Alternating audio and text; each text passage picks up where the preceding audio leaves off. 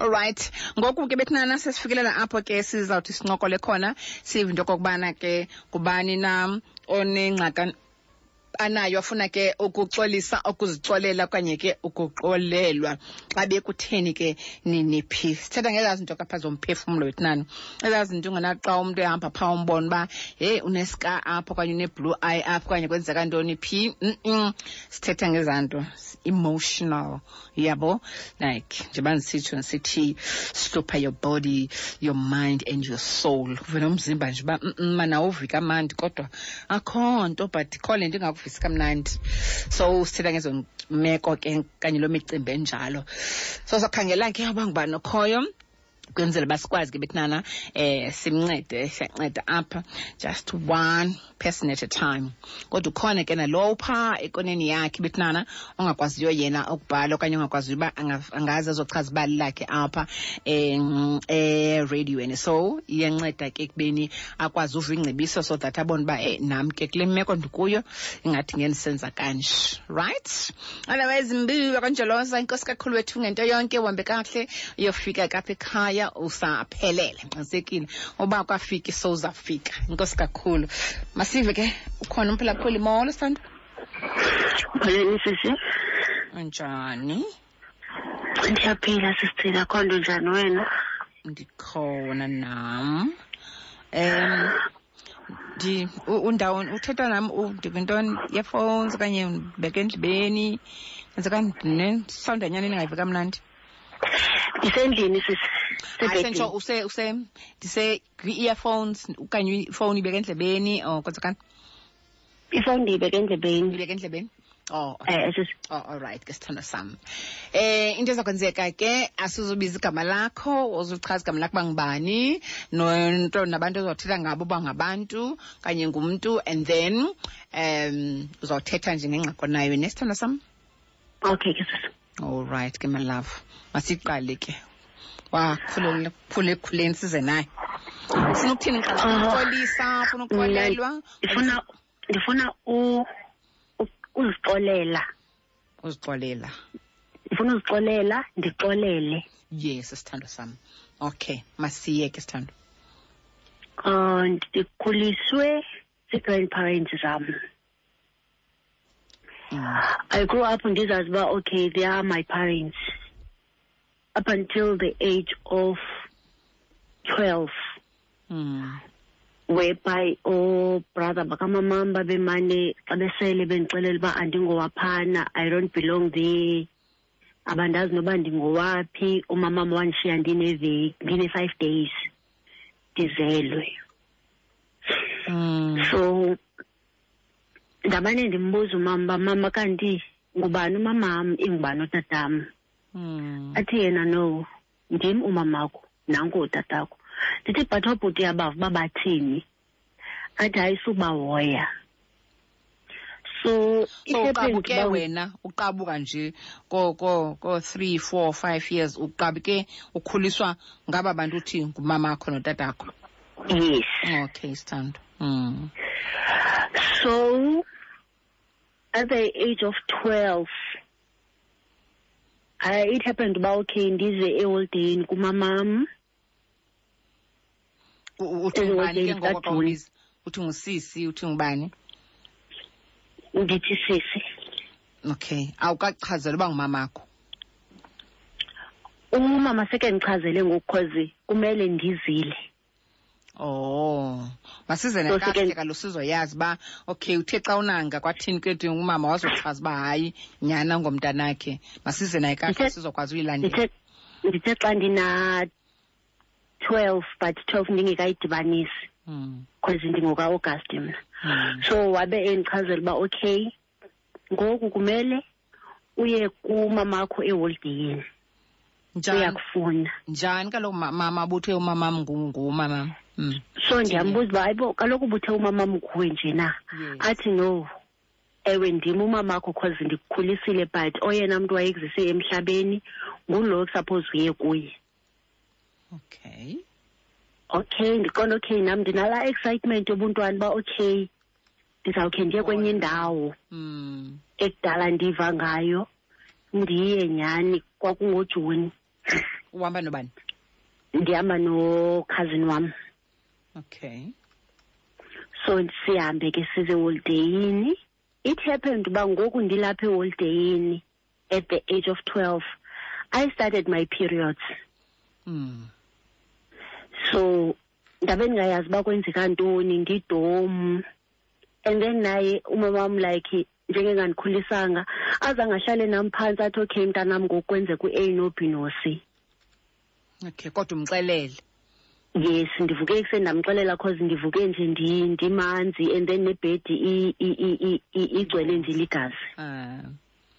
okay akathetha nto wathi hayi mandihlambe hayi nyhani ndihlambe after two days okay andinike ipads athi faka kanje ke le nto ndimbuza uba yeyothini athi hayi yoba ungangcoli igazi lingangcolisi iimpahla hmm. ndithi ke mna kokay ekuseni eliba kwenzeka kanje nakanje nakanje so ngo xa kuzovula izikolo ngojulayi siphinde back uba sizovula izikolo mna ke ndifuna ukwazi uba uyaqala ke ngokudibana nalo mntu kuthiwa ngumama wakho wamanyana yes uyaqala udibana naye like kunjani kwaba njani first day ufika apho kuloo ndawo specially eh. like she was she was excited oh. kolaa suku lokuqala because she spoiled us like wasithatha wasikhupha sayothenga izinto sabuya mm.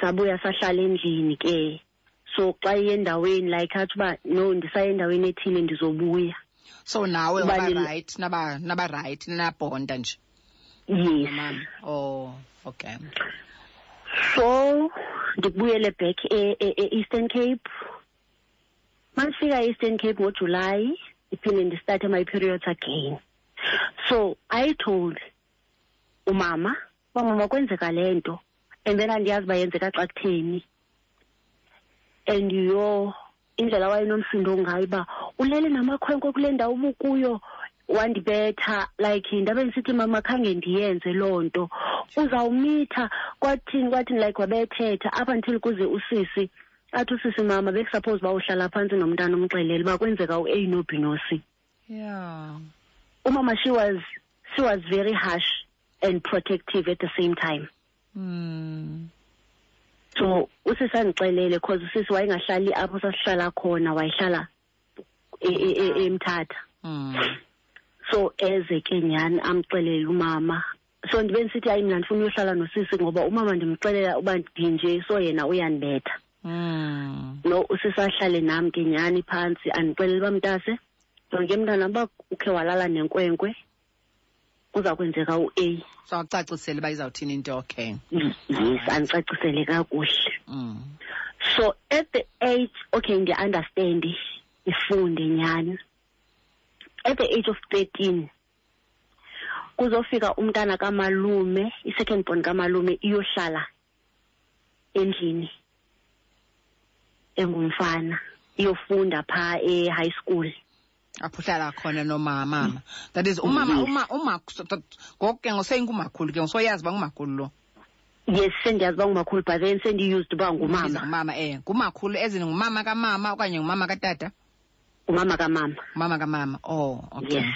so umama yonke le minyaka eyi-twelve ebengeze ekhaya okanye besiza ubona nje usisi xa ebuya ngodisemba usisi ebengazi ebengazi at all ebengazi at all ebebhala qha uzombona wena uqala ukumbona ubuso ngobuso ngoba usike uye kuye kule ndawo akuyo yes xa una-twelve nxa na-twelve oh wow okay so afike umntaka kamalume eyofunda mm. mdala ke ngowe-eighties mna ngowe-nineties mm. afike eyofunda i-high school mna ndiseseprimary so simane sisiya esikolweni mna ndimthatha as ubrother wam ndiyahlambela phambi kwakhe akho nto itheni niba ngapha abaqala abantwana yayindim inguye ingumntana wakokwabo endimshiya nge-three years mm. oyintombazana oyintombazana oh so ningamantombazana nibabini naye lo ofikileyo mm, yes okay so mna uh, ndiyahambela phambi kwakhe ndimthatha as ubrother wam mm. it happened the other night silele nalo mntana kokwabo asinike out of ikamere yakhe aze apha eh, kule ndawo sondlale kuyo andibrashe mna ndicinga uba yimpuku ndiba ngathi ndikhabalaze ndikhabalaze azondihlebela athi sh ungangxoli ndizibuze uba inoba kwenzeka ntoni ndincwine andivale umlomo sure. azondifingarisha mna andiyazi uba kwenzeka ntoni sure. uthe mayezobe ndehlisa ipenti ndithi hayi azobe kuzobe sekushukuma lo mntana kokwabo abe sekehamba mm. ephinda bhekhe erumini yakhe nda after three days ndingayithethi le nto ndizoyithetha kumama mm. kumama athi hayi ayikho loo nto qha mna ndine-attitude kuba ndingamfuni kuba ndingafuni bantu ekhaya hayi bo ndifuna like ibe ndimndedwa umntana ngoso umbalisela indlela eyenzeke ngayo le nto so yonke le nto yes. ibalisayo uyikhe engqondweni ngohlobo atsho ngalo yena uthi like mna kuba ndinengqondo ezimdaka kuba ndingafuni bantu ekhaya sure ngo when i was four and then ke ngoku i became uba okay mandi like ndaqale ndazi-associate nabantwana abangabakhwenkwe like bezitshomi zam mm. and then ndaqale ndaviolent esikolweni mm -hmm. ndibetha kwabanye abantwana yonke laa nto so eloko ebizwa esikolweni okuba oh, mna ndilwile yonke laa nto because hmm. ndandifunda kwesinye isikolo yena etitsha kwesinye isikolo okay so axelele usisi usisi decided uba andithathe ndiyohlala naye kubani usisi usista kamamam oh andithathe ndiyohlala naye emthatha mm. emthatha sifike phaa singabantwana siyi-two ndim ngumntana kasisi hmm. oyinkwembalisele ke ngoku sisi yena yes usisi ndimbalisele okay wakubhiliva so, at least wakukholelwa yes usisi watsho kaloku wathi mama kodwa akekho umntana onoze afome apha isitori esinje mm. kanti ayikho loo nto mm. athi umama hayi khawukho umjonge ngokwakho lo mntana akabizwa lo mfana ke kubuza uba yintoni lithethwa ngubani bani yinyani nakanye yeyo nyani nokuthethwa wena qha umama umama was very protective ngabantwana bakabrother wakhe mm. she was very protective ngabantwana bakabrother wakhe andiyazi noba mhlawumbi wayengafuni laa nto uba kuthiwa abantwana bakabrother wakho baphethe kakubi na cause omnye owayintanga yam like sasishiyana ngeenyanga wayengoka-eighty nine ndingoka-ninety wasweleka ehlala nomama sikhule soyithukena sasikhule sivana cause siqabuke sibhadle sihlala soyi-two mm. engumfana naye so wasweleka wasweleka ke ngoku so apha ekuswelekeni kwakhe ke ngoku wamane ke ngoku e, e, e, ebathatha ke one by one aba banye mm. so she was very protective okay so, so usisi ke ngoku pm thatha yes usisi ke ngoku emthatha ndimbalisele ayinyana andibhilive but still i-enga kum iya ikhula ngokhula ndiyalwa so nam ndazixeba i have to be protective for umntana sekhaya which is umntana kasisi because yena umncinci kum mm. uba uyabethwa esikolweni i will fight for him mm.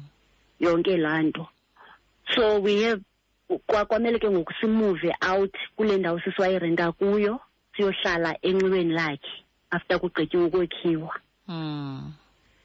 so enxiweni lakhe it was one room plus nomkhukhu owayekwalapha eyadini but ucelele kancinci so thina sasilala phaa emkhukhwini okay. usisi nomyeni wakhe belala ku-one room hmm. so unina nguwe nalo mntana kasisi umlwelayo yes ndim mm. ngulo mntana kasisi ndimlwelayo mm. uzofika omnye umntana kamalume again okay. ungumfana okay. beside lowa uhlala nomama okay. lo ufika apha emthatha as uba eyofuna umsebenzi all right so soyi-three silala phayana mna nalo kasisi siyondlala phantsi hmm. then yena since mdala kuthi ulale ebhedini okay so it happened the other night ulo mntana kasisengekho it was on weekend ebheke kulo tatakhe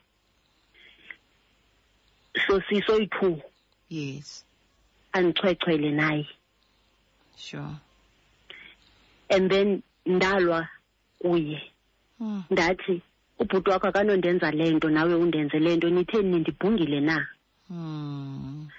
wathi hayi bo nje kancinci ndathi unje kancinci ntoni i was very dumb at that time i think ndandina i was fifteen yeah so ndalwa hmm. ekuseni ndavuka ndingamfuni because ndathi xa ndivukayo ndavuka usisiseke engekho ehambile mm. so ndavuka ndingafuni nombona like uba ndiphekile andizomphakela okanye uba ndimphakele ndizokubeka phaa ukutya kwakhe ndingatsho noba naku ukutya kwakhe ndingamniki ukutya kwakhe mm. as i used to do mm. so izophela iveki ndizibuza uba ndizoyiqala ngaphi uyithetha le nto but ma ndiyitshilo kusisi usisi is the only one ozondikholelwa mm. then uzobiza umama umama akazoyikholelwa yonke le nto akubetha uzathi ayikho andibafuna abantwana bakabrother wakhe okay usisi nyhani ndimxelele okay ndingekamxeleli njalo usisi kuzofika umama mm. ufika kwakho umama athi eyi lo mntana une-attitude towards umfana lo athi usisi surely ikhona into ayenzileyo kulo asoze abe ne-attitude nje espacing mm. athi hayi uyamdifenda lo mntana wena uyamtefisa ntononunu athi usisi no andimtefisi andimdifendi but le three years ndiyihleli naye i know her very well mm. ewe right, uchik now uchik yena but xana eh, umenze something uba ne-attitude more okay awukathethi ke ngelo xesha kwabachazile andikathethi okay athi umama hayi khawukho umbize umbuze ngokwakho okay andibize nyhani usisi ndiye abuze uba kwenzeka ntoni between mna nalo mfana hmm. ndithi mna kwenzeka into ayibo athi hayi mntanam thetha andizokubetha ndithi kuyafana noba ndingathetha umama akazondibhiliva uzothi ndenza i-form up story hmm. athi hayi akazokubetha ikhona hayi nyhani ndimxelele umama athi hayi unesatanism lo mntana kabafuni abantu kokwabo sure so athi usisi okay fine xa ingafuni abantu kokwabo better umntana kabrother wakho ahambe ayohlala webhayi azokonwaba khona because nam andizoyimela into yoba ndihlukunyezelwe umntana endlini mm. ogqiba kungathethwa still akabizwa lo mfana lo aze azocacisa wayengekho mm. so makebuyayo ebusuku ubuya sekenxilile mm. so uthe xa ebuzwayo wathi uzopakisha iimpahla zakhe ahambe wathi usisivele hamba okay that was the answer from from him mm. ndandina-fifteen ke ngoku so after ekube bebezame ukukurayipa ngoko uzuvuke mm. usise ngasekho eh le 3 days ungekachazi ubulala benilala kule kulomkhukhu nonke still siyalala sisithi but then ke ngoku mna kusa ndihleli ngeempundu mm. ndinentsimbi elapha ecankomqamelelo oh, endizixeleleyo uba anything azamayo ukuyenza zamonzakalisa hey. okay ngicela uhamba ndibheke evenkileni ndiyabuya nesithando sam nawukhusela amanzi okay. okay sir all right ikhala kamnandi wireless at george ethemba lethu ku-88.6 Alright, i-7 imizuzu iphambi kwabethu ntsim ka-11 o'clock umhlobo wone ne-fm inkqubi sithi eh masixolelane hleli ke no-tsid ayi ndibamba ngoku kanye kancokola ke nosisi safuna ukuva ke kule ngxaka yakhe nayo uba ihamba iphelele phi na sithanda eh esisi yebo sithandwa sam so um wahamba ke ubhuti lo eh, eh wahamba mm. so sashiyeka ke ngoku indim nolo mntana kasista wam mm. nosista wam nomyeni wakhe so usista wam ke ngoseyinomntana wesibini okay so ngo-two oh five she was five years lo wesibini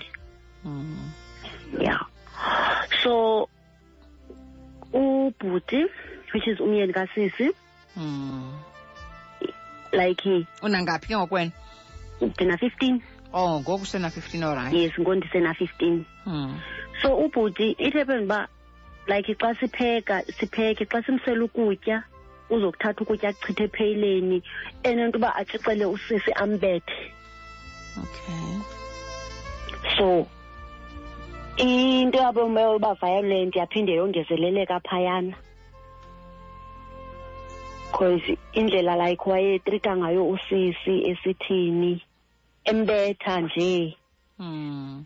out of a blue azothi usisi okay mandibuyele back ndiyohlala nomama kwenzela uba sizokwazi uba sifokhase esikolweni umbetha phambi kwenu yes umbetha phambi kwethu ya ngo-two thousand and five um two oh five azosweleka u-second born kasisi oh nabantu ngewatsha oh askisi sithando she was five back then wasweleka so after eswelekile umama started to have i-depression because umyeni kasisi wayeloko emthuka uba nguye ubulele umntanakhe hmm. then ngo ngo-two thousand and six ngonovember was doing uh, ngo-two thousand and six i was doing ugrade nine mm. so kwathiwa mandize eholideyini kumamam ngodisemba okay so sesimane sicommunicata mos nomamam ngoku mm. kodwa mandize eholideyini kumamam ngodisemba kumamama kule ndawo asebenza kuyo ekapa uphi kulo ekapa ekapa oh, ekapa oh. yes so usuka phi emthathu ekapa yes okay awubuyelanga njengoba bethe bethe usisi buyela kumama akho so that mm, no yes, no nde oh nde ndabuyela kanene kumama oh ndayofunda pha ugrade nine ndimenze ndihlala nomama okay seyindim nomama nolo mntana wakulo bhuti mm. enemihleka nge-three years oyintombazane okay so umama started to have i-depression egula ke ngoku kondina then ndifunda ugrade nine yes so athi usisi okay kudala uwonga umama ube ufunda nofunda khawuhambe uyo uye holideyini kumamakho ngodisemba mm. nyhani ndize ekapa ngodisemba kondilapha ekapa kuzothunyelwa iripoti yam mna kutshiwo ngokum uba ndizofunda ekapa kuthiwa uvizithile nje uyabuya mm. yes kuthunyelwe iripoti yam ndibone sekuthiwa hayi esikolweni uthi grade ten ndizomfunda kweli cala yeah. ku-2007 mm. isikolo ndisifunyanelwe ndothuke mna ayibo how njani ndizomshiya njani umama phaa engaphilanga like uzophekelwa ngubani izinto uzozenzelwa ngubani mm. athi umamam no usisi ukhona uzomhoya uzomthatha ayohlala naye emthatha okay okay ingabi namsebenzi akasathitshi ke ngomama yes sekeyekile ngetyuwu uba igula oh so nyhani ke ndihlale ke ndifunde okay ngojanuwari mm. uzofika umntana kasisi naye ezofunda apha ekapa yes so uzohlala lobe sikhula soyi-two mm. sizohlala soyi-two like kaloku sikhule soyi-two so sinebond mm. so asisakwazi uba omnye ahlale kude kunomnye oh okay so athunyelwe naye eze sizofunda apha so umyeni kamamam waye-abusive oh. embetha esenza yonke into so ithi ngosifikayo ngondifikayo mna ngodisemba yena nomyeni wakhe bandikhupha umyeni wakhe wayephangela so bandikhupha ndiyothengelwa iimpahla like ndiwelcomwa nje kamandi mm. kuba ndizifile ndisekhaya mm. so azothi umyeni wakhe ngosekukhulu lo okay sifu sihlale sifunde ujanuwari februwari up until umay aqalise ke ngokwazi ezi two colors zakhe umyeni kamamam mm. amane betha umamam embethe embethe up until the other day ndathi awusoze umbethe noba eh, uyahamba kuqhela umbetha but awusoze uthi umbethe phambi kwam yeah ndifowunele usisi usisi athi buyani ndithi sizobuya njani sifunda mm. phakathi enyakeni athi mntanam mna soze ndiyitolerate into yoba nihlale endaweni nizofokasa njani esikolweni but naye ndiyabethwa ngapha ngumyeni wakhe naye ngapha utata yena wayemshiyo wakhe umyeni oh wayekwazi umshiya ahambe ayorenta okay okanye amvulele ikheyisi abanjwe alright so ke ngoku nyhani amfake lo wakho unyana wakhe ahambe nyhani mna ndithi mna ndizokwazi uhamba ndishiye usisi ndimbona uba uphila le mpilo ndihlale ke nyhani ndithe ndibhala i-june exam ndilayite isibane ezi zibane ezizibekwa apha e-headboardini because hmm. indlu yakhona iroom zazohlulwe like nge-wardrobe mm. okay so ndilayite esi sam kweli cala lam kwenzela uba ndikwazi ustadisha like ndiyabhala yeah. the following day mm.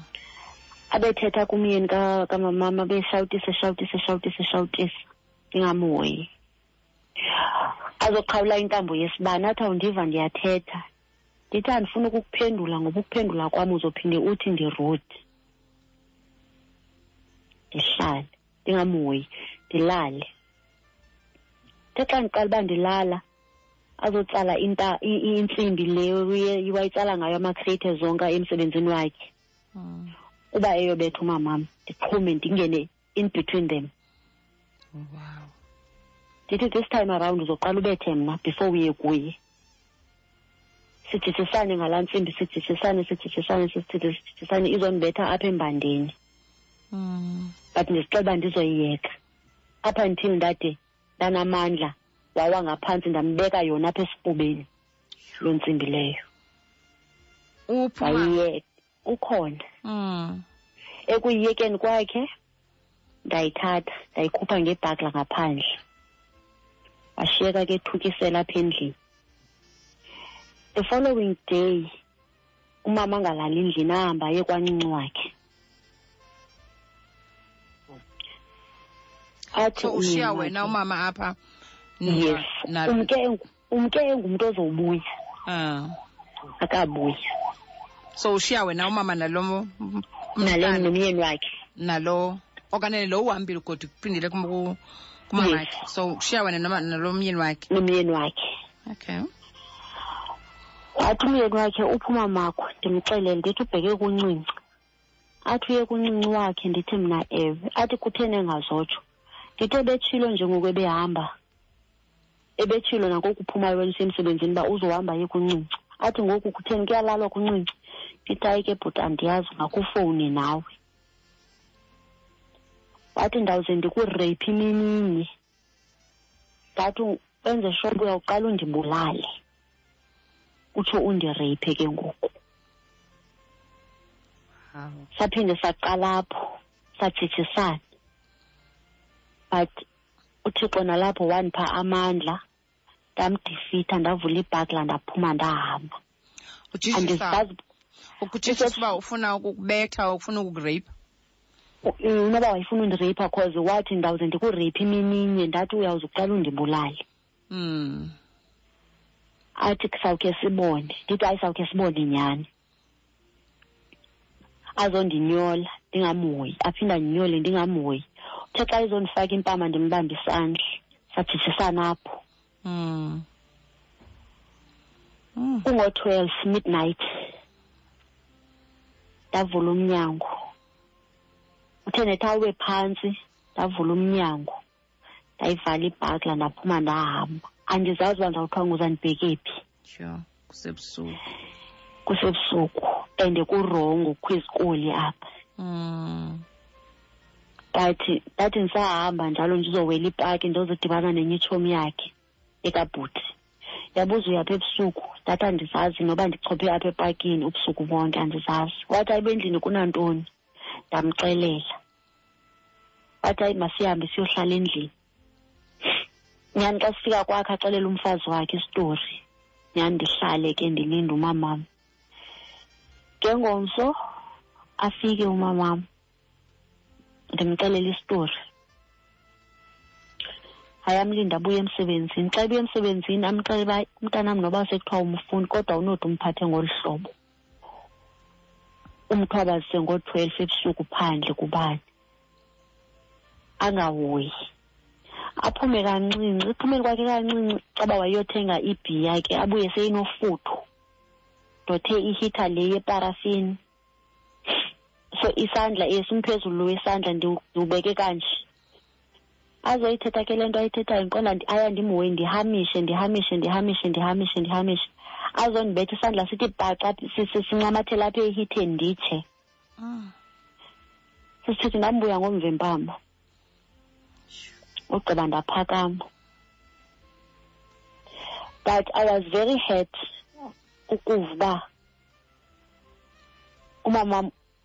she picked up ifowuni wafowunela umama ezilalini mm. wathi hayi ke intombi yakho iqhwabe umyeni wam ngempama but she didn't tell them the full story mm. babekutheni ze ndimqhwabe ngempama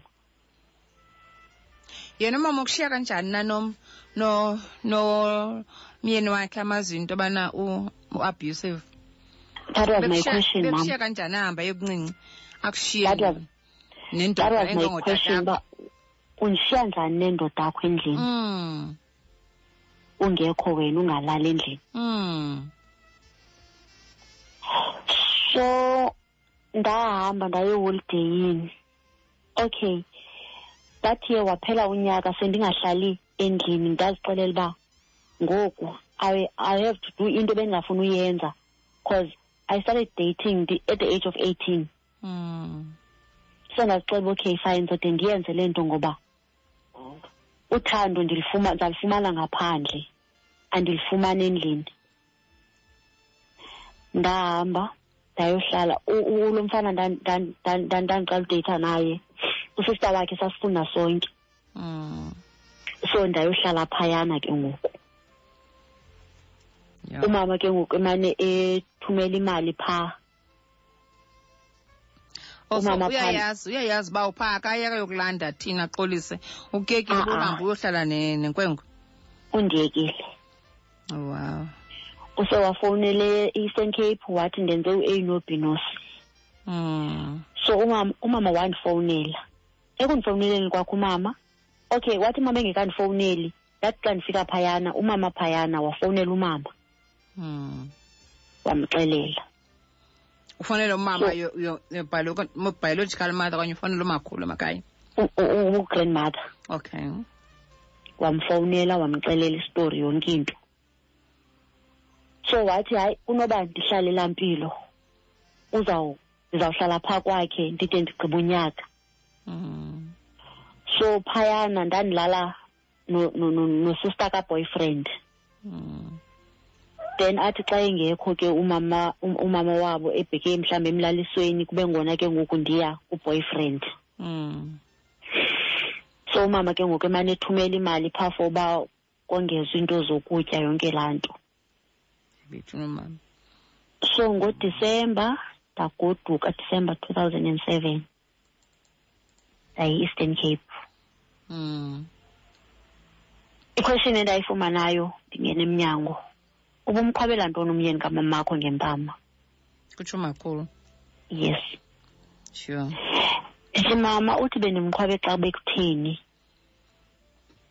Uthi andiyazi kaloku kuthiwa uve wamtshibela ngempama ndithi hayi okay azothi usisi cause sisi wayekhona athi hayi kodwa umntana nimenza igeza Mm. noba seke ligeza kangakanani asozavatsimela umntu njengempama that means besikhona isizathu mm. hayi nyhani umama be uthe xa iqala ushawutisa athi usisi no umntana uzawumenza i-enga hlala naye umbuzi uba bekutheni because mm. wena ngoku umamele one side of the story elakhe icala ulimamelanga yeah at least usisi uya-understand yes mm. so ke ngondihlale ke nyhani phantsi ndibalise isitori ndisibalise ndisibalise uchaze naye uba umama wakho phaa uyabethwa umhla nezolo la nto yes hmm. ndichaze yonke boyfriend khona le kanye umyeni yintoni umyeni hmm.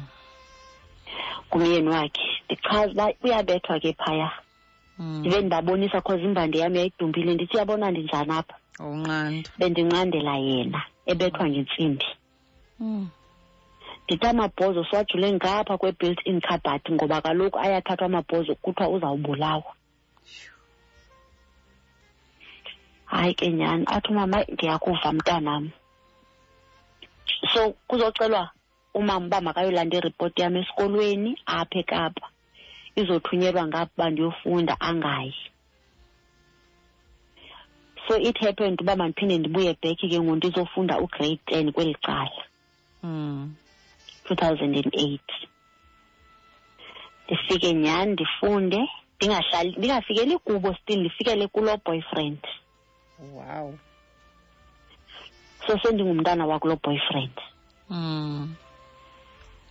uzoya umama kulo boyfriend ngose kusweleke umakhulu eyochaza umphanga kamakhulu kum that is umama lo busithi ungumama wasemakhaya yes okay uzoya eyochaza loo mphanga yes, yes. ndabe ndisenza 2008 i was doing ugrade level mm. so umama usweleke ngonovemba 2008 mm. ekuswelekeni kukamama ngo-2008 ndabe ndiqalisa ubhala ifinal mm. ndabhala only one subject ndahamba ndayoncwaba xa ndibuyayo ndabuya ndaphekha iimpahla zam ndayohlala ekhaya ndadropha out esikolweni why sisi ndandi i was like ndizixelele uba if ever umama ebegule ndisecaleni kwakhe ngengakhange asweleke mm. cause waswelekela endlini mm.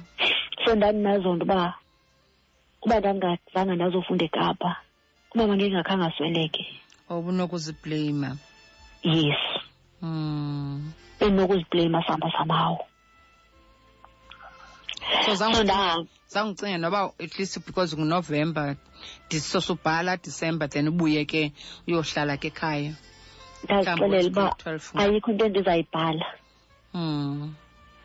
because ngoku sweleke ndibhala ifinal ifinali akho nto endizayibhala andizofokasa oh maskis so ndagoduka 2009 sazophinde ndaphinde ndastara over ugrade eleven mm. ndise-eastern cape mm. so uhlala pha ke ngoku kwamama kwamama khobani ke ngoku xa umama ingekho ndihlala nodabawo oh but kufutshane kwenye kwenye indawo but kwakulelala iyi-one okay. but kwadabawo oh. so ndafunda phayana ngo 2009 ngojuni ndeze holideyini kumamam hmm. seke nomnye umyeni ke ngoku uhlukene kulo um, umshiyile lo wawo uabusive hmm. unomnye okay sesithini ndezeholideyini but ndagoduka ndingenayo nepenti le entsha yho umamam ahambe ayothengela yena nomyeni wakhe impahla umyeni wakhe wade wambuza uba uthenga njani impahla ungathengeli umntana lo zeholideyini impahla mm.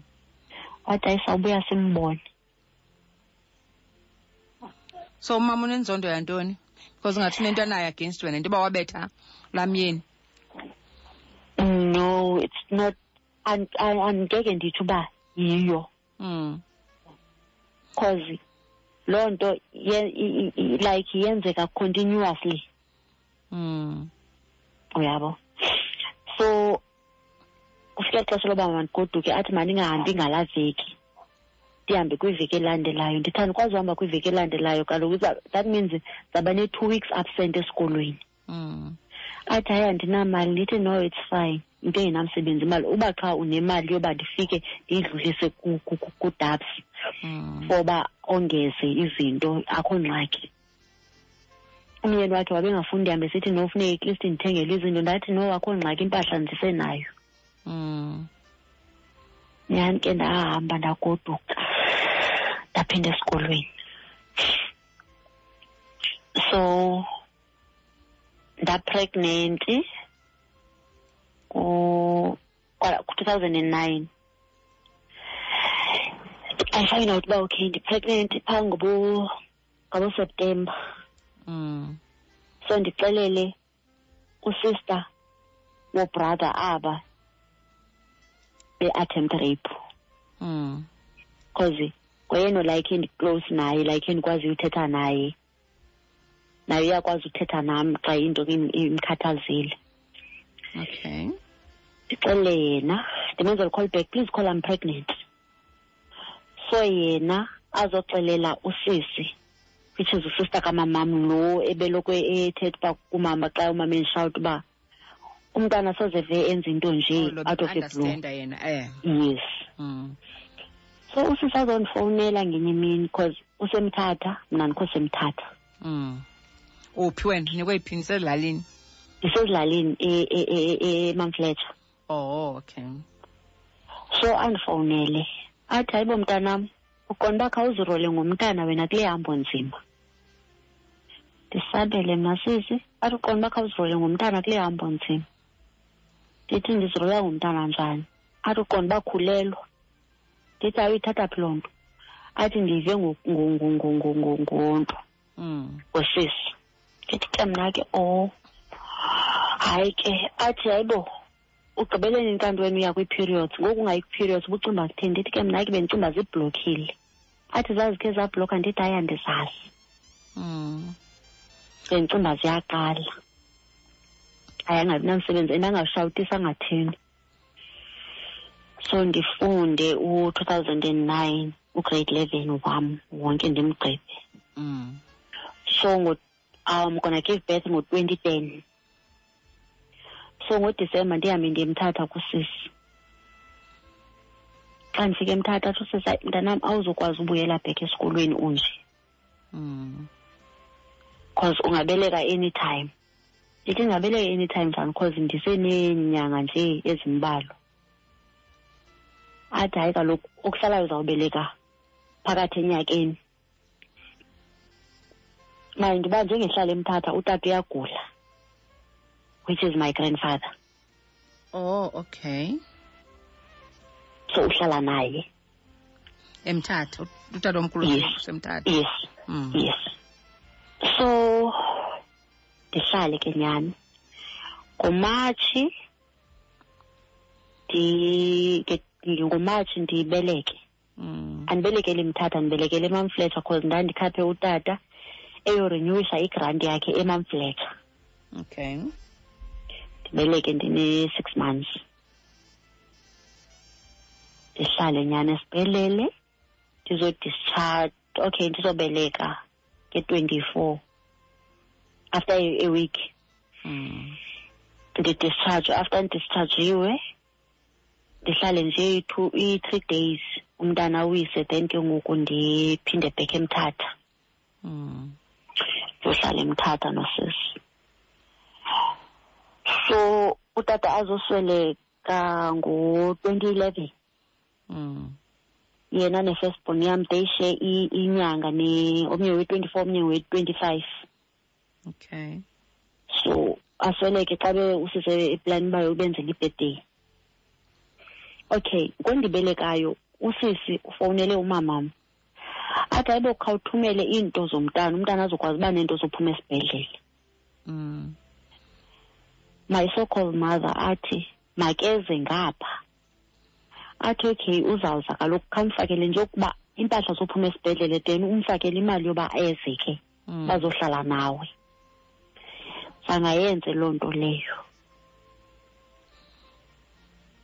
okay okay usesikenyana azithenge iimpahla zomntana yonke into ndihlale ya ngenxa yexesha kuzoza kufuneka sizame ukukhawulezisa ke ngoku sithando sam okay ke sisi okay ke ngonyani ndihlale ke ngoku phaa usisazosweleka ngo-twenty twelve yena njengotata osweleke ngo-twenty eleven usisasweleke ngo-twenty twelve omphi ngoku sisi lusemthatha lo bendiunderstande yes yintoni ngoku i-depression oh. and yet esweleka nje ndi-pregnant i-second born ha from the so, same from no same boyfriend no komnye komnye lo wasaxabana sohlukana because walala nekhazini yam oh. bamithisana aliselidibali lakho soya yiloo nto ngo-2012 yes okay so so yayiloo nto asele kusisi ngo-twenty twelve ngonovemba kwathiwa kumama makathathe umntana lo mdala wathi abakhe basesinqeni uhamba nabesinqeni utsiba nabitha mm. okay namsebenzi ndiham ndithathwa ngomnye umalume unkosikazi kamalume andithathe ndiyohlala naye nyhani ndibeleke ndihlale kube mandi phaya mm. ndidibane noboyfriend lo ongutata wabantwana ke ngoku ongomnye aba bakhoyo bancinci Están haciendo so, algo, Mario Nabaco. Five houses. Five. Ewe, sasithetha. And un, noba wenza 32, uthe unga 90 ne? Yes. Yho. Sisithi, I so believed uba lo mfana uyandithanda cause wayeloko elapha ecankwam like yonke into wandikhupha ezitshomini wathini like itshomi lihleli ngeyonto yam but ndaxeba okay ndamvulela isifuba ndimbalisela yonke into up until aveza i-true colours zakhe athi noba seke ndibethile ndizixelele uba ndizohlala ngoba seyinguye ondithandayo sure so lona ngutata wabantwana bakho abayi-three yes lo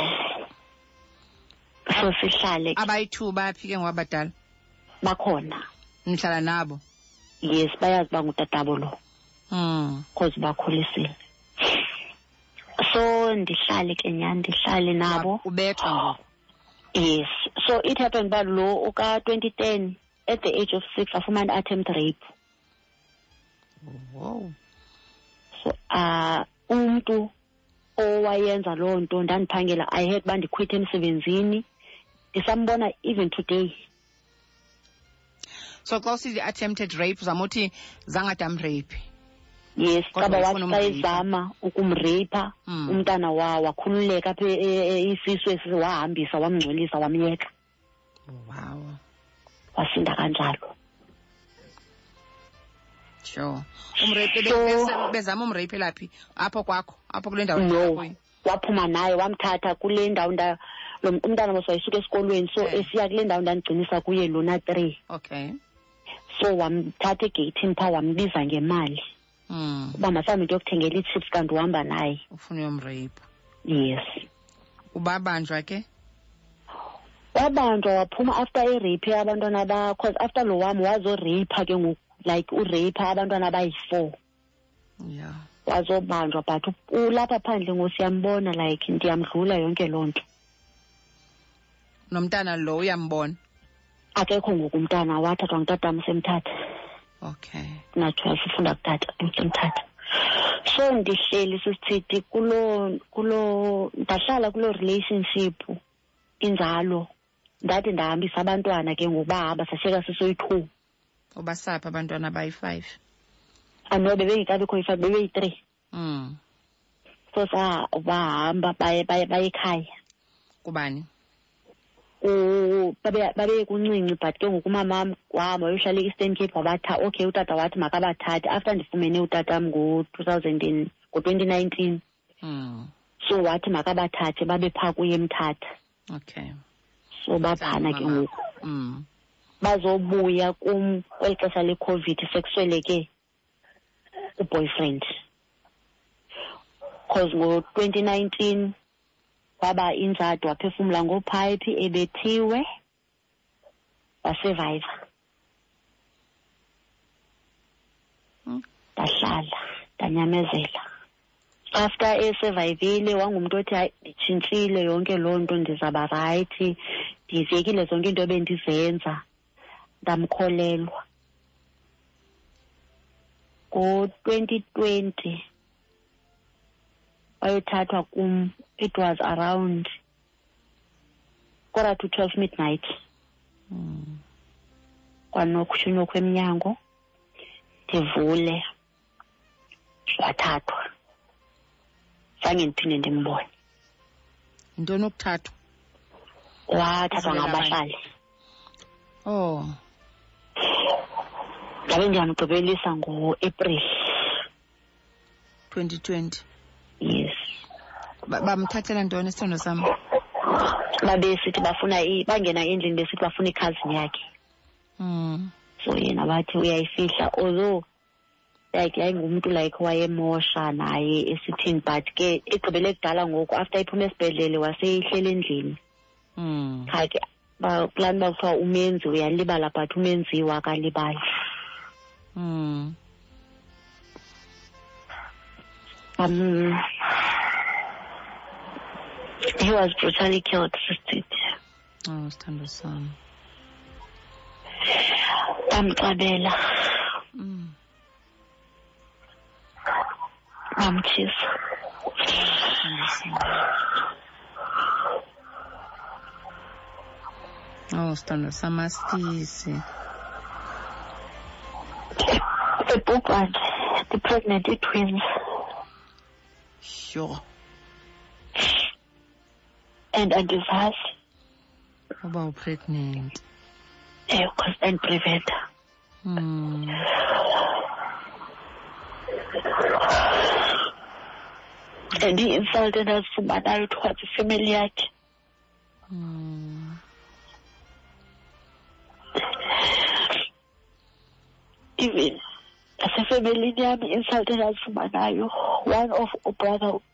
amamam andithuka wathuka kufacebook sisithethi ngento ebonwa ngumntu wonke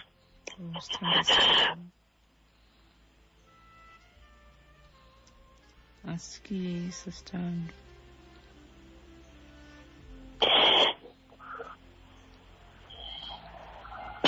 wena wenzeni ngoku uba awenzanga nto sentsho nguye uboyfriend esenza ezi zinto abamba abethwe ngumphakathi but bathi wena wenzeni usisawethu wayesithi ndimombulalisileyo ndimomthengela abantu oh, sithando sam xolo ubhoti yena wayendibukela uba wayendibukela imali ye-inshorensi uba ndimgcwabile Mm. Qala ke ndikleyime i-inshorensi ndiyinike bona imali. Ubuzamngcwaba ngantoni kaloku? Ndiyazi. Wakwazi ke ukuqokelela ndiyazi umntu xa etshile uba kunoba kunjani kodwa kwakwazi kwa because izoba yi-closure kuhambe angcwabe ukwazi uba uye emngcwabe emhluhlweni bakuvumele Eh, yasitsho ndayesingcwabeni okay ndayesingcwabeni because ndim like owayegcwaba yonke loo nto mm. baphi abazali umamakhe wasweleka mm. utatakhe ukhona usista wakhe omdala yena since wayekhe wahlutshwa impilo so iipolisi zakhe zazisandolapha okay no it's fine so oh, wasweleka kuboyfriend yakhe ngokubethwa phakathi ngo-twenty twenty yes kanti ubele kanti upregnant ii-twins yes zikhona ke ngoyi-twins phaza apha egcankwabo oh okay ufumene ngo-twenty twenty njalo yes beye ngo-twenty twenty ngonovemba kwasaphozibeleke ngo 2021 ngojanuwari mm. khandaphileka ngonovemba mm. so ezifunayo ndifuna ukuzixolela sesithithi mm -mm. ndixole ndixolele like konke like umntu ondivise kabuhlungu because xa kusaphose ndiya kulo mama ndiyazixelela uba bendithetha nolo mntana lo ndithi ndikhule naye kasisi mm. esithi mntase ubuya nini ndithi ndizawubuya but andizoza apho ndizofikela kutata mm. uthi mntase njani kodwa ukhulele apha ndithi mntase andifuna ukuhlala nobhuti bakho Mm. so eyifunayo ndifuna ukwazi uba ndiphinde ndijongane nabo yeah. ndibaxolele like ndingathi ndixolile ngomlomo but intliziyo mm. ibe ingaxolanga uziva njani ke sithando sam like unjani how do you feel kuyo yonke le nto le meko okhule phezu kwayo nale yokugqibela ke ngoku yokuqonqozelwa kwaboyfriend kanti yokwenziwa into ebuhlungu kangaka abethwe atshiswe like unjani sasithe mm. senze sahleli kule environment but ndiyazixelela uba ndirayithi Mm. But there are times whereby ndijonga abantwana bam ndithi but ngenceba kathixo bayakhula because andiphangeli mm. survive ngegranti mm. but bayakhula barayithi bahealthy but ndiye ndizixelele uba abantu mos baye baye beza abanye mhlawumbi umntu encokola baphula ukuba hayi senze oku noku noku noku noku noku mm. but ndi-act ngathi andazi nto but when it comes laa mntu emka ndiba ndodwa mm. ndibe nalaa nto uba ingase ndithathe umlilo ndihambe ndiyotshisa indlu yakhe ifemeli yakhe yonke lo mntu ebebalisa yes mm oh sithando sam like sometimes intliziyo yam ibe buhlungu ndikhale ndizibone uba ndizibuze uba like ndizixela uba andisayazi into endiyiphilelayo philela abantwana bakho andithi nabantwana abahlanu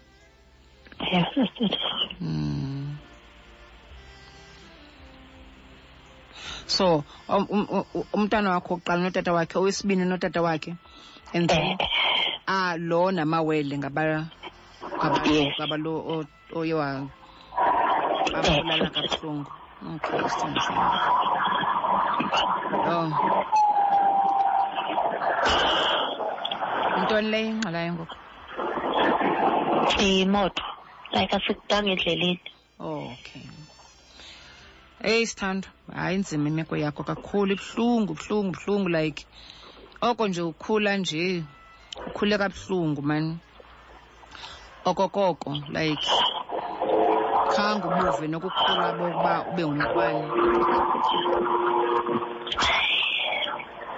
I had was a city now. ndibe strong like ndisemncinci mm.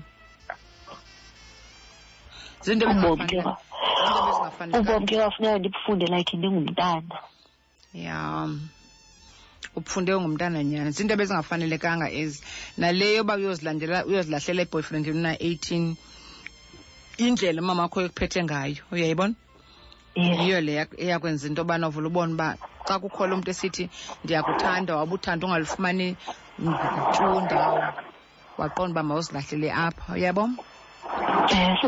yes so ndiqinisekile nakulo tata wabantwana bakho aba lo bathathu naye kuye uzilahlele kuye kuba ucinga fani uba uyakuthanda kuba awulazi uthando awulazi uthando lukatata but ndiyavuya ke ngoba utata udibene naye nje ukuthi umfune ngo-twenty nineteen ne eh, okay nisathetha notata um siyancokola sisithetha niyancokola notata mm. ngumntu okwaziyo uba xa ungavi kamandi umfonele uba tata ndikho rayithi ewe sasithethe ewe ne ndiyakwazi uthetha naye mm. okay xa kukho into endikhathazayo ndiyakwazi uyishera naye mm. like naxa abantwana mhlawumbi ndifuna baye kuloo tatabo ndiyakwazi uba ndishere naye mm.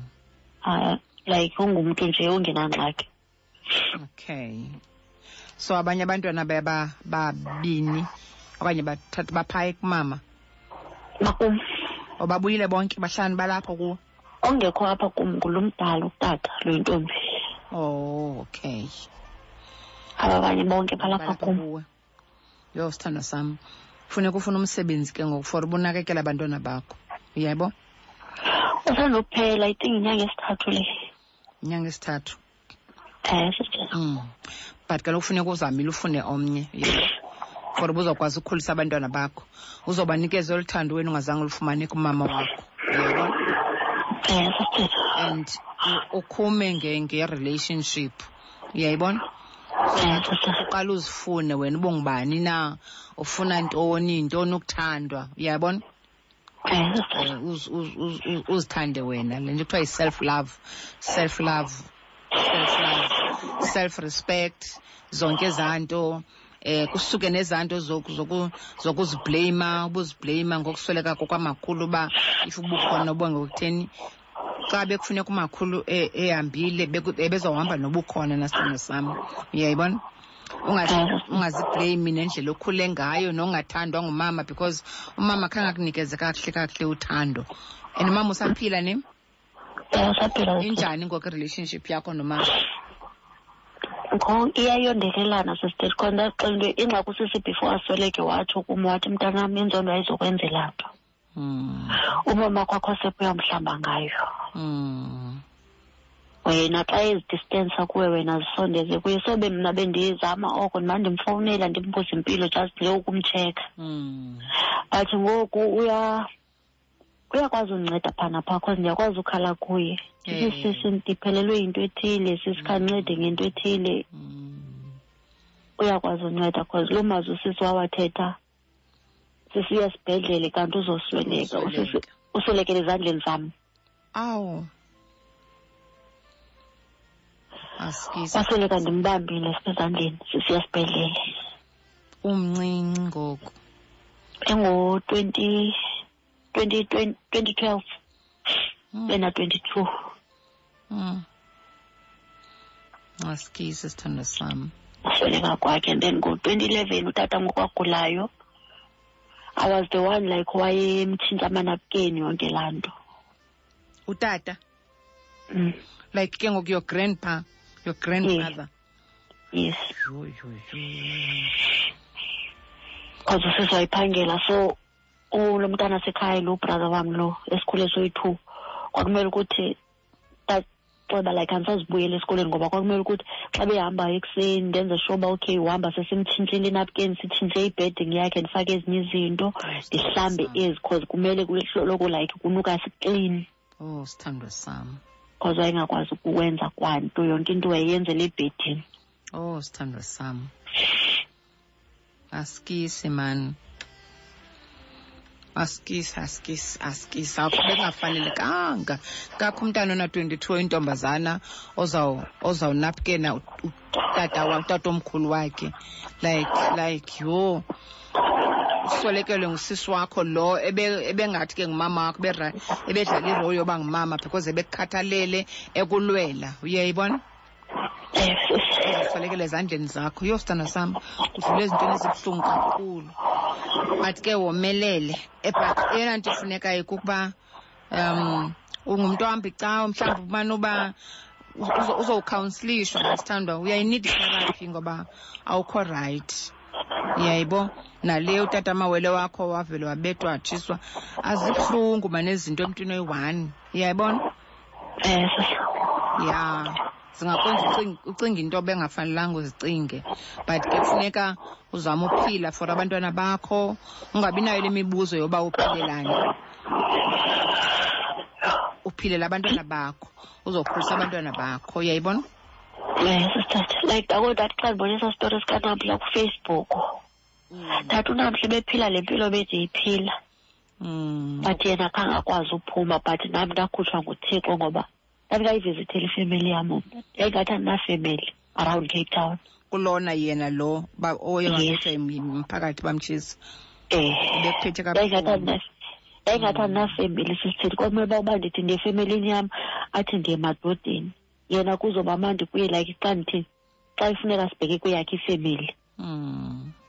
nam angakwazi uvizithela ifemeli yam uba ndibheke emsebenzini uba uyayazi uba emsebenzini ndiphuma half past four funeke like ndihambe i-thirty minutes okanye i-hour ndibe sendisendlini otherwise uyabethwa yes ngiyayibona and andiyazi uba umntu obestrongo kangaka esilwa elwela umamakhe eh, ulwele ulwele noanti wakho lo naye wayibethwa indoda like bekutheni uzuvume ngokuwe loo nto zenzeke kuwe ezo nto ezo uyayibona because mna i thought into yobana awungekho uvumele nje kwamntu oyindoda akubeke isandla kuba ubungafuni abantu abasondele kumamakho nosista kamamakho ubungafuni ubungayithandi uba babe kwizandla umama wakho ubude wamlwela uyeyibo yes ingxaki andizixelela uba like akekho omnye umntu ondithandayo nguye ondithandayo yho up until i realized uba no yi-abuse le yeah uabusiwe sithando sam like mentally i don't think uright psychological awukho right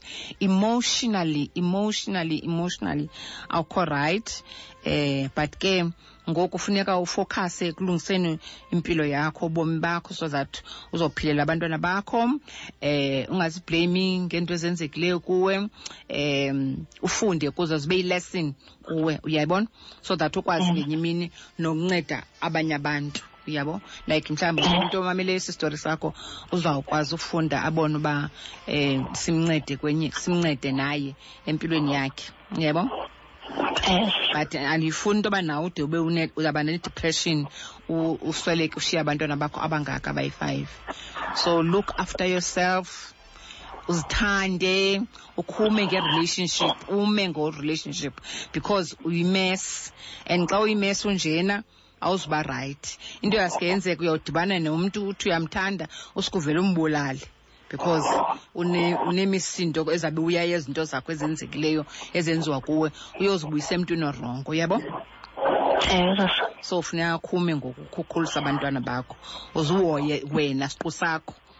uyayibona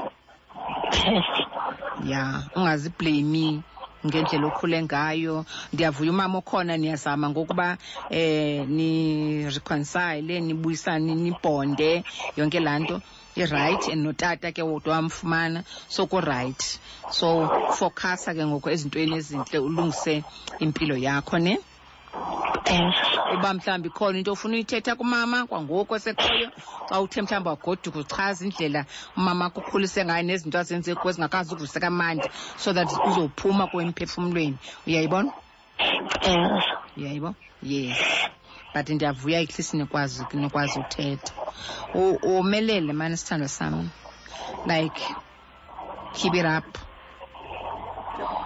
yeah I, I know i know kubuhlungu i know kubuhlungu kubuhlungu nyhani but yeah kuzolunga ngenye imini akuzilunga ngoku but uzawusebenzela ekubeni uba kulunge ne um sisilo andikho right nyango like uba umntu mhlawumbi utekisa abantu athi yho nto lo mhlawumbi abateke athi bateketisa nje hmm. ndithi ewe kaloku bafanele ngoba banatata hmm. like loo nto ayonto ndisaphoze uba like ndiyayithetha oko hmm.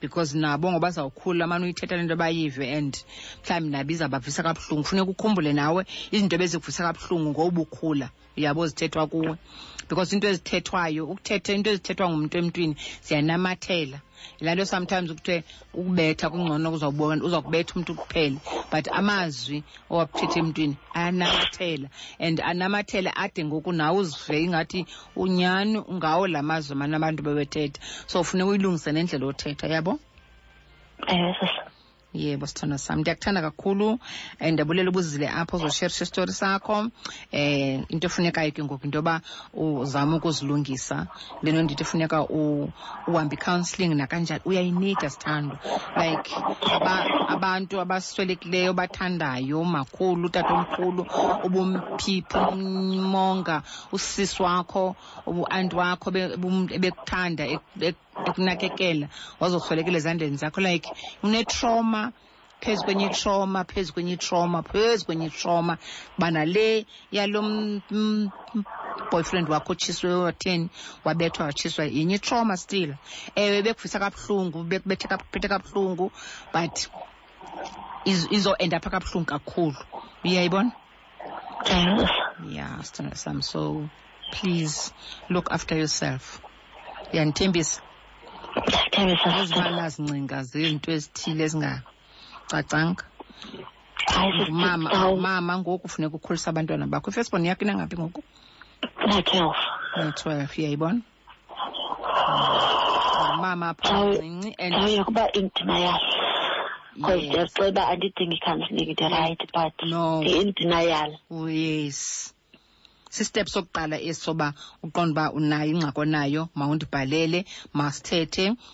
so uzawulunga uzawuba rayithi yeka uba indina yabo uyayinida i-counselling isithando sam uyanida uthetha nomntu uyohlala phaa uthethe uthethe and uzihambe ii-sessions yebo eh, uzokwazi sesilungisana nobomi bakho ubheka phambili mhla waze wakwazi ukudibane nomntu yaybo udibane nomntu eh. ozawube uthandana naye if uyafuna ukutshata or uyafuna ukujola yabo but not ngoku ngoku esijolweni khawume yabo eh, yes I love you so much. So now njengoba ungasebenzi uphila ile mali yabantwana begrant. Eh, sister. Eh, wena. yeah. phila ngayo ufuna umsebenzi wethu sithandwa sam ndiyathemba uba uzawufumana but ke funas udile nezitrauma onazo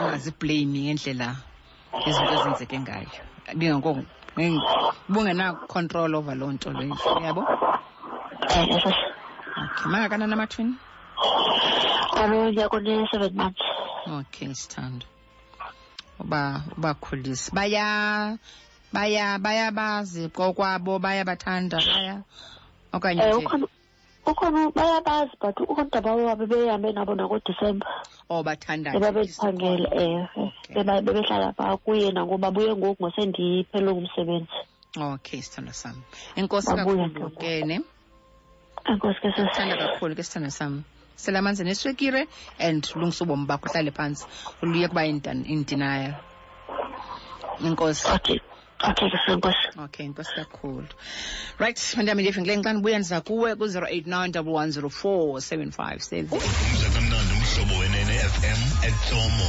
kwanguhle emhlahlane emashumini nasemdeni ku-93.4 Alright, alright. Manize kuwe ke ngoku 0891104757 ndiba wena ucebisa uthini apha kule nzwakazi encebethina nedlule ezintweni ezinzima ezingaka. Mawolo mhlaba. Molo sithini njani? Ngikhona sithanda sama si. Okay, well, I think another thing eda on to i-frustration nee-memories zikasisi endingafuna uba siyilibale is that abantwana basebancinci ne so taking care of abantwana is very overwhelming so as the children grow now you see, I understand, now, but at the moment the situation is very fragile. I'm a mother too. Another thing she should be careful of is that usemnini mm. she's prone to being pregnant again. Hmm. Ngile mm. story sakhe and everything that happened andifuni kakhulu kwi-situations ne-history hmm. But what she should look forward to the ngoku yindlela eya phambili nokondla abantwana bakhe azibeke ecaleni ingxaki athi ndizawubuya ndizodilishana nazo when i am strong yes. but now what is important kuba abantwana mabatye kukuba makaphangele kukuba makabe strongo sometimes you can give a person i-advice yoba makaye kwi-counselling but there isn't really i-access to i-counselling sometimes you could meet someone who doesn't even understand le problem okuyo Mm. So the, the one thing I want to advise her mna ngokwam yes. is that toughen up, be strong and focus. Ina, focus. Each yes. time ucinga i-problem ne-history yakho osuka kuyo, mm. focus on the way forward awufuni ukhulisa abantwana bophukileyo yes. umama xa yophukile fana nebluetooth unikezela abantwana so okay. focus be strong look forward ungajongi kwii-problems uzawubuya kuzo xa urayithi enkosi eh, wethu sithandwa sam enkosi kakhulu molo mhlobo Ekuze. Hi, sana masiye. Oh, mina ngicela lemekulelwa. Usisi mani usiqongo ne. Usisi ngaski ngoku ne. Awambe counseling, therapist, yonke into. izoba right all right inkosi kakhulu molo mhlobo molo mhlobo molweni ekhaya eh, sisitiki hayi uthetha nofayindlala apha ekhatolivili ne yes fayindlala yemani heyi lo mntana lona mangiyazi um eh, ndifuna uba ndicinga uba fanele uba uthixo indlela yakhe ebeyazi ukuthi uzawuhamba ngalaa ndlela la hamba ngayo ne and then ke ngoku womelele cause udibene nezinto ezininzi emncinci so ndithi ke ngokunye kufuneka aqine ke ngoku nyhani afowukhase kubomi bakhe afowukhase e-, ekukhuliseni abantwana bakhe uyaqonda aziyeke zonke ezinye izinto ngoku alibale noba na angahlala imali icinga nje kodwa angahlala ezifaka engqondweni ezaa nto ezabe zisenzeka afowukhase kubomi bakhe nabantwana bakhe yaqonda sesithithi enkosi kakhulu sithanda sam molo mhlaba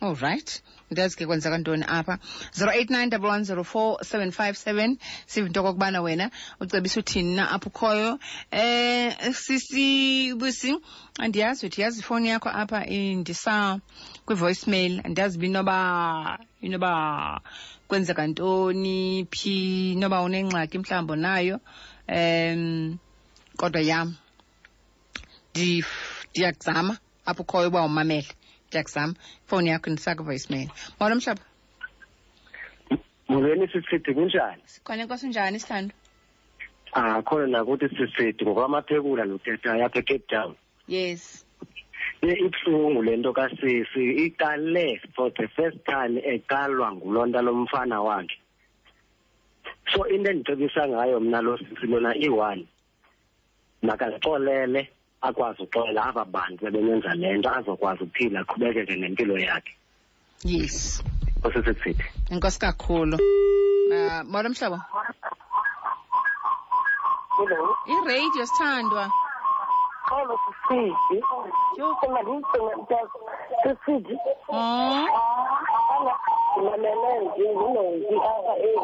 fala iradio sithandwa sam please